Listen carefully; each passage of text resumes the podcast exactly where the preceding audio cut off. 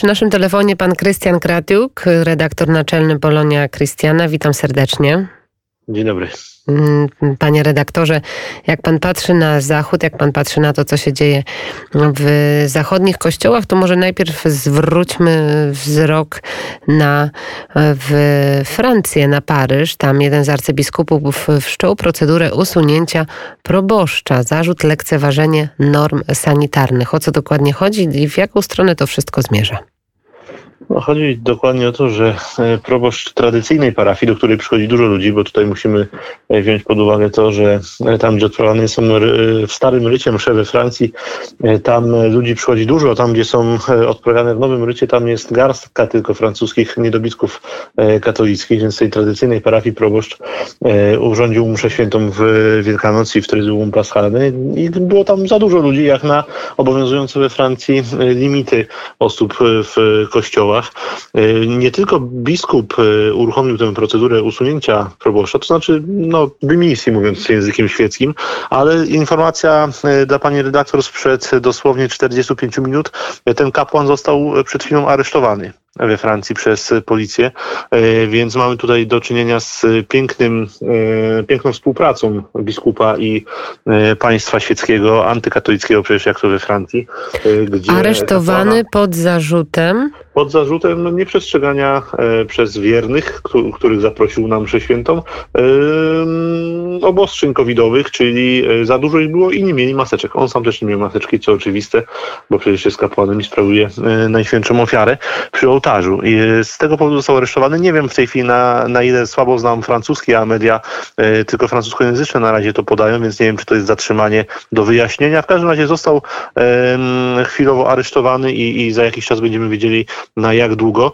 E, więc e, pokazuje to, że współpraca Kościoła z e, państwem świeckim w tych sprawach obostrzeń covidowych e, no, przechodzi już ludzkie pojęcie, bo i tutaj w Polsce mieliśmy w zeszłym roku zamknięte kościoły, na co zgodzili się biskupi, w tym roku zgodzili się na odrobinę mniejsze obostrzenia. Tam we Francji biskupi też przyjęli bez e, zmrużenia, e, bez zmrugnięcia okiem e, przepisy, przepisy prawa cywilnego. No i widzimy, że kończy się to właśnie spektakularnym aresztowaniem kapłana. W Londynie w Wielki Piątek w polskiej parafii mieliśmy do czynienia z e, wyprowadzeniem ludzi i e, księży z kościoła przez policjantów e, w Wielki Piątek właśnie, a więc wtedy, kiedy wspominamy śmierć Pana Jezusa, tam nikt nie zainterweniował. We Francji, z tego co słyszymy, interweniowali wierni i stawiali się policjantom i być może to tak ich rozjuszyło, że postanowili teraz zemścić się i proboszcza e, aresztować. No to niepokojące informacje płyną do nas z Francji, a jak Pan patrzy na te relacje Kościół-państwo, Kościół-policja w innych krajach? Jak to wygląda? Jakie informacje do Pana napływają? Bardzo różne. W Niemczech na przykład wiemy, że e, Kościół stosuje się bez mrugnięcia okiem do e, tych obostrzeń zarządzonych przez władze poszczególnych landów, ale wiemy, że na przykład we Włoszech jeszcze zanim e, państwo wydało jakiekolwiek obostrzenia, biskupi już ogłosili zamknięcie kościołów. W różnych falach koronawirusa inaczej to wyglądało, ale ta pierwsza pozostanie w naszej pamięci na zawsze. Na Malcie usłyszeliśmy przed Wielkim Postem w tym roku, że biskupi nie będą do odwołania udzielali e, Komunii Świętej. Podobne problemy z Komunią Świętą, z przyjęciem Komunii Świętej mają wierni na Słowacji na przykład, e, więc e, Kościół i niektórzy jego przedstawiciele ważni, powiedzmy sobie szczerze, stanęli na głowie w ostatnich czasach i idąc na bardzo daleko idące kompromisy z państwem, no kompromitują się. Cieszę się, że w Polsce, mimo iż tutaj też został ewidentnie jakiś kompromis między władzą świecką a duchową zawarty, to jednak jest to kompromis jakiś jakoś do przyjęcia dla polskich e, katolików i to kompromis na tyle e, dobry, że można było w te święta swobodnie do kościoła pójść, przynajmniej większość z katolików, e, która chciała pójść, bo przecież obowiązku nie było, pójść mogła i takie sceny jak w Londynie czy we Francji e, u nas nie miały miejsca, choć miało miejsce oczywiście e, siedzenie ormo pod kościołem, czyli tych lewicowych aktywistów, którzy liczyli wiernych i donosili na policję, no ale to się skończyło jakimiś symbolicznymi mandatami, więc widać, że w Polsce jeszcze nadzieja jest. To, to prawda, tak było, że mm, posłowie lewicy domagali się zamknięcia kościołów i chyba cały czas z takim apelem występują, żeby jednak ograniczyć ten kontakt, bo przecież jest dyspensa, jeżeli chodzi o mm, wiernych w Polsce, żeby korzystać właśnie z mszy przez internet, żeby mm, korzystać z transmisji i nie musieć chodzić do kościoła. Otóż to posłowie lewicy zachowują się jak e, skończeni hipokryci, ponieważ e, ci sami posłowie lewicy, którzy liczyli ludzi pod kościołami, to byli posłowie, którzy uczestniczyli w masowych demonstracjach typu strajk kobiet, które gromadziły przecież znacznie, znacznie więcej e, osób jednorazowo w jednym miejscu niż w jakimkolwiek polskim kościele może się znaleźć. I wtedy nawet lewicowi aktywiści, czy lewicowi dziennikarze, czy dziennikarki wrzucały na media społecznościowe zdjęcia tych dzikich tłumów, nieprzebranych tłumów i pisały, że warto dla takiego widoku e, dwa tygodnie spędzić w łóżku z COVID-em. No rozumiem, że e, tutaj mamy do czynienia z czymś w rodzaju rasizmu, że katolicy są e, ludźmi gorszej kategorii, innej kategorii i w ich należy donosić na policję, na nich należy donosić na policję, ich należy wytykać palcami, obśmiewać w lewicowych mediach.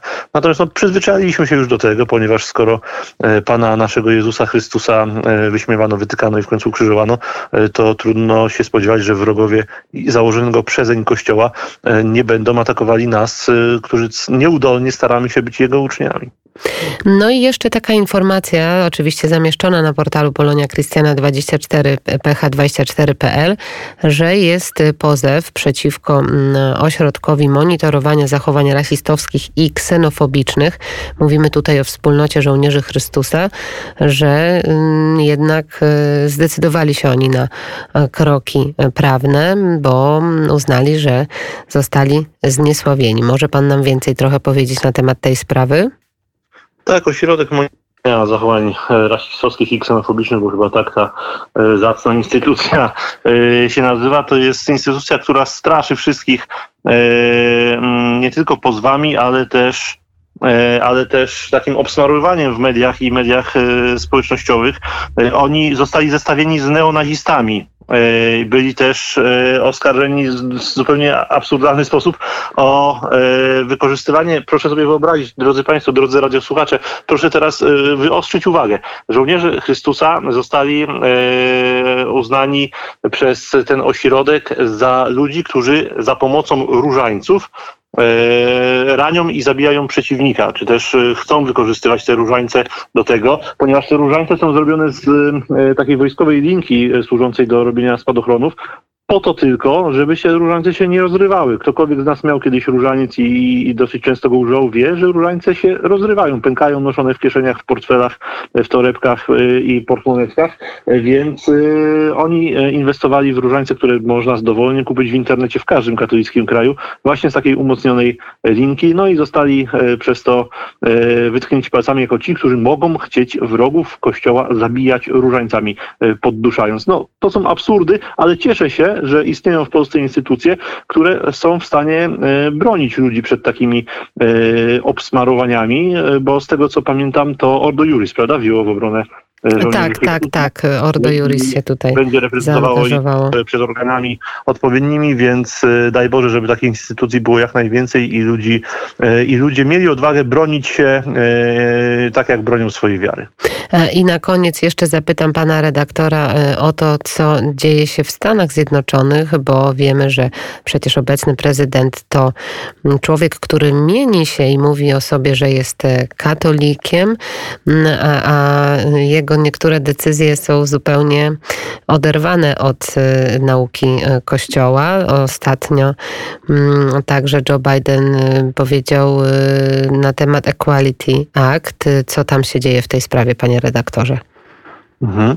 No rzeczywiście w, mamy do czynienia dzisiaj z czymś takim bardzo e, dziwacznym, że oto na czele Stanów Zjednoczonych stoi e, osoba, która nominalnie jest katolikiem, osoba, która co więcej deklaruje, że modli się na różańcu i co tydzień chodzi e, do kościoła na mszę świętą, co więcej przyjmuje e, komunię świętą. Jednocześnie jest to e, osoba, która w agendzie swojej ma najbardziej proaborcyjne e, postulaty w historii w ogóle Stanów Zjednoczonych, a Equality Act to jest ten akt równościowy, który mówi o zrównaniu wszystkich tak zwanych e, płci e, i wszystkich tak zwanych udziwnień z tej kategorii LGBT itp.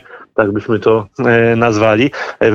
Prezydent Biden jedną z pierwszych decyzji umożliwił występowanie mężczyzn w żeńskich drużynach sportowych, jeżeli chodzi o koledzy, tak? Tam w Ameryce jest to słynne ten słynny sport taki w koleżach, we wszystkich filmach amerykańskich, takich familijnych to e, widzimy. E, I e, jedna z pierwszych decyzji katolickiego prezydenta, prezydenta to jest taka, ale jest to o tyle ciekawe, że żyjemy w czasach, gdzie katolicki prezydent Stanów Zjednoczonych jakby wyrzeka się katolickich postulatów. Katolicy biskupi, przynajmniej w części w Stanach Zjednoczonych, wyrzekają się katolickich postulatów, ponieważ udzielają Komunii Świętej Bidenowi. Jest też duża grupa, która mówi, że to jest niedorzeczne, to podkreślmy. Są biskupi w Europie, którzy odrzekają odżegnują się od katolickich e, postulatów. I w końcu e, w Polsce mamy jednego z najpopularniejszych, jak mówią sondaże, polityków nominalnie katolickich, e, czyli Szymona Hołownię, który znany był przecież szerokiej publiczności z tego, że napisał chyba 25 książek dla katolików, o wierze, o kościele e, i o e, świętych kościoła katolickiego. E, natomiast on też wyrzeka się głośno katolickich postulatów, więc widzimy, że tej rewolucyjnej maszynce, która świat postchrześcijański już ma ostatecznie dobić, potrzebni są przynajmniej nominalni katolicy do jakiegoś zaufania społecznego, bo katolikowi warto zaufać, no tylko, że są to katolicy tylko z nazwy. Nawet w Stanach Zjednoczonych jest ukuta taka nazwa Catholic in name only, w skrócie CINO, czy CAINO i sugeruje jej używać zawsze w kontekście prezydenta Joe Bidena i jego wybryków. Bardzo dziękuję. Stawiamy kropkę. Krystian Kratiuk, Polonia, Krystiana, redaktor naczelny PH24. Bardzo dziękuję za rozmowę. Dziękuję.